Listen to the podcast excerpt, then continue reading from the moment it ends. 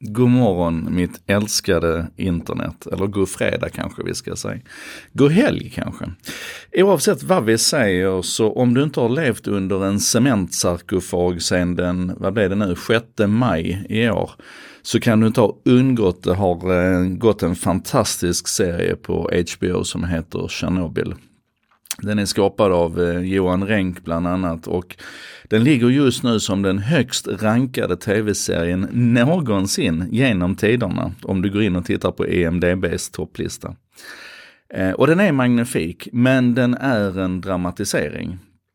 Och som alla dramatiseringar så Eh, ska man säga, hur verklighetsnära man än försöker göra det så blir det alltid ibland att man skruvar till det lite grann. Och det är lite diskussioner om en del av de fakta som förs fram i, i Tjernobyl.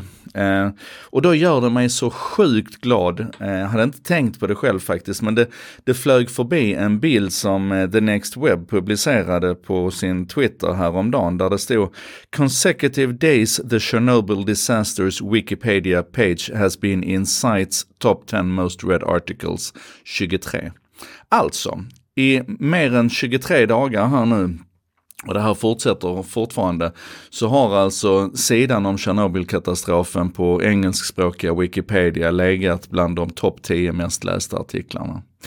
Och det här fick mig att ge mig ut på en liten utflykt. Jag hade ju själv varit inne på Tjernobyl-artikeln och tittat, för ni vet det är ju det som är så hoppfyllt, hoppfullt med vårt, vårt internetliv idag, med vårt liv och med vår publika diskussion. Det är att när vi ser någonting som vi undrar över så behöver inte storyn vara slut utan vi kan sätta igång och gräva. Vi kan ha olika bra verktyg för detta. Men det känns hoppfullt för mig att ett av de tydligaste verktygen för det här det är Wikipedia. För att Wikipedia gör ett fantastiskt jobb med den här storyn. Och jag vet att vi har varit inne på det lite grann tidigare, men jag tänkte vi tar en liten, en liten utflykt för att se vad Wikipedia just i Tjernobylfallet har gjort för att få lov att förtjäna den platsen. Och det första vi kan konstatera då är att Wikipedia finns ju på flera språkversioner. Man, man pratar inte om en svensk Wikipedia utan man pratar om en svenskspråkig Wikipedia, precis som det finns en engelskspråkig Wikipedia. Men ansatsen ska ju vara global i alla de här encyklopedierna. Eh, men om vi, om vi tittar på, eh, om vi går till den, den engelska sidan Chernobyl Disaster så kan vi ju rulla ner lite grann och ute till vänster i, i bottenkanten i vänstermarginalen så ser vi de andra språkversionerna. Och klickar vi oss in på den, på den svenska språkversionen där, vi ska snart gå tillbaka till den engelska, men vi börjar på den svenska för att bara göra en poäng. Så kan jag klicka på visa historik på den här Tjernobylolyckan och när jag klickar på visa historik så får jag möjlighet att se det som heter heter antal sidvisningar. Och då kommer jag till ett statistikverktyg där jag då kan välja ute till vänster i datumfältet och säga att jag vill börja den 5 maj, alltså dagen innan tv-serien lanserades.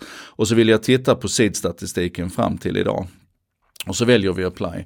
Och då kan vi säga att dagen innan HBO-dokumentären lanserades så hade svenska Wikipedia-sidan om Tjernobyl 393 visningar. Eh, toppnoteringen så här långt i alla fall, det är den 30 maj när man var uppe på 19 447 visningar.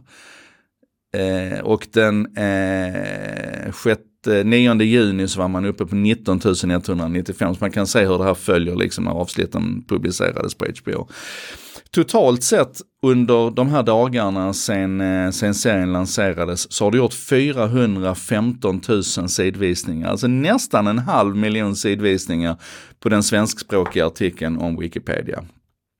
Om vi istället går in och tittar på den, på den eh, engelskspråkiga versionen så ser vi Eh, så ser vi lite grann samma tecken där, att det var nästan ingen trafik innan och sen så har man då maxat och legat på över 530 000 sidvisningar på en enda dag den 28 maj. Och totalt sett under den här perioden så är det 13 363 703 sidvisningar. Och det här är alltså folk som har varit nyfikna på vad det är som har hänt och gått till den här Wikipedia-artikeln. Och om vi då ska gräva lite vidare, om vi liksom ska försöka förstå hur den här har vuxit fram, så under, igen under View History, så kan vi klicka på det som heter, nu ska vi se här, det heter eh, Page Statistics. Och på Page Statistics så får vi upp en sida över hur den här artikeln har redigerats och hur den har vuxit fram. Alltså vi kan ju naturligtvis titta på den råa historiken och se en oändlig sida här med, med alla uppdateringar som har gjorts och alla tillbakarullningar. Men vi kan också få det här paketerat för oss och se då att den här sidan den, den startades alltså 2002 09 23 och sen dess så har det gjorts eh, 10 958 redigeringar på den här sidan av nästan 5000 redaktörer. Minor edits är 3000, det är alltså småjusteringar av stavfel och så vidare. Redigeringar som har gjorts av anonyma användare, där vi alltså bara ser ett IP, är 3930.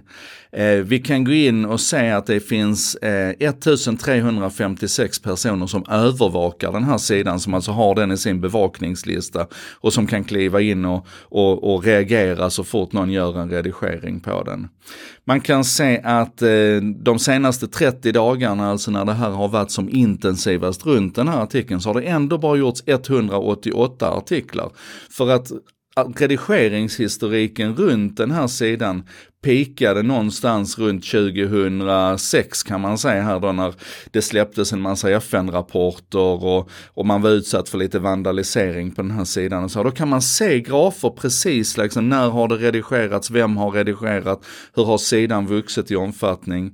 Man kan se att 10% av redaktörerna, de, de 10 som har gjort mest, har gjort ungefär 10% av redigeringen av den här artikeln. Medan 90% av, av redigerarna har gjort de andra 90%.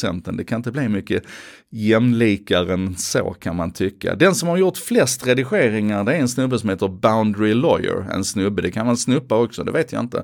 Men en person, en redigerare i alla fall, som har gjort 213 edits. Han har alltså, han har eh, vi kan gå in och titta på hans top edits, vi kan titta på honom själv. Vi ska se, jag hade lite kul grejer om honom här. Eh, han är alltså, eh, han är eh, fysiker, han är medicinare, han är eh, eh oerhört aktiv i massor med projekt. Jag kan läsa precis här om vilka, vilka arbeten han är inne och, och redigerar i, vilka projekt han jobbar på, vilka sidor han har arbetat mest med. Eh, jag kan liksom följa upp honom och säga att det här verkar vara en trovärdig kille och skulle jag nu vilja veta mer om, om Tjernobyl så kanske jag kontaktar honom för att han har liksom förtjänat den, den, den trovärdigheten på ett bra sätt. Um, Nej, det är, det är helt, alltså det är, det är så brutalt mycket fantastisk information som finns här. Man kan se andra sidor på Wikipedia som länkar till den här Tjernobyl-sidan. Det finns alltså, eh, ska vi se här, det fanns en sammanställning, eh, ja det var över 2 500 sidor, övriga sidor på Wikipedia, som länkar in till den här sidan om, om Tjernobylkatastrofen. Allt ifrån tungt vatten till List of historical periodic drama films and series set in... alltså, eh, det här är ett, ett fantastiskt, fantastiskt bygge verkligen. Eh, det sista jag vill säga det är att det finns också en, en flik på alla Wikipedia-sidor som heter Talk. Och går man in och tittar på diskussionssidan här om den här Tjernobylkatastrofsidan så, så kan man liksom följa allt ifrån diskussioner runt hur ska vi, hur ska vi räkna eh, konvertering, hur ska vi räkna valutakonverteringen när det gäller rubel mellan då och nu till, ska Bridge of Death ha en egen sida eller ska det ligga inbäddat i denna sidan? Till naturligtvis vilka dödstal och vilka siffror ska vi ange här, de som kommer ifrån Greenpeace-rapporten som jag tror pratar om 400 000 eller det som kommer ifrån FN-rapporten som pratar om 4 000 och hur liksom hela det här Wikipedia-communityt arbetar med att försöka balansera upp de här, de här siffrorna. Men ändå som, som den här användaren som har gjort de allra flesta redigeringarna här säger ett litet citat på sin sida att balans handlar inte alltid om att alla sidor ska få lika mycket utrymme för ibland finns det faktiskt en sanning. Och den här artikeln om Tjernobylkatastrofen tycker jag sammanfattar det på ett fint sätt. Nu är min rekommendation, nu är det fredag idag. Ta en stund den här helgen och, och plocka fram den sidan som heter Chernobyl Disaster på engelskspråkiga Wikipedia. Och så klicka runt bland alla de här verktygen och se vilket fantastiskt bygge det här är.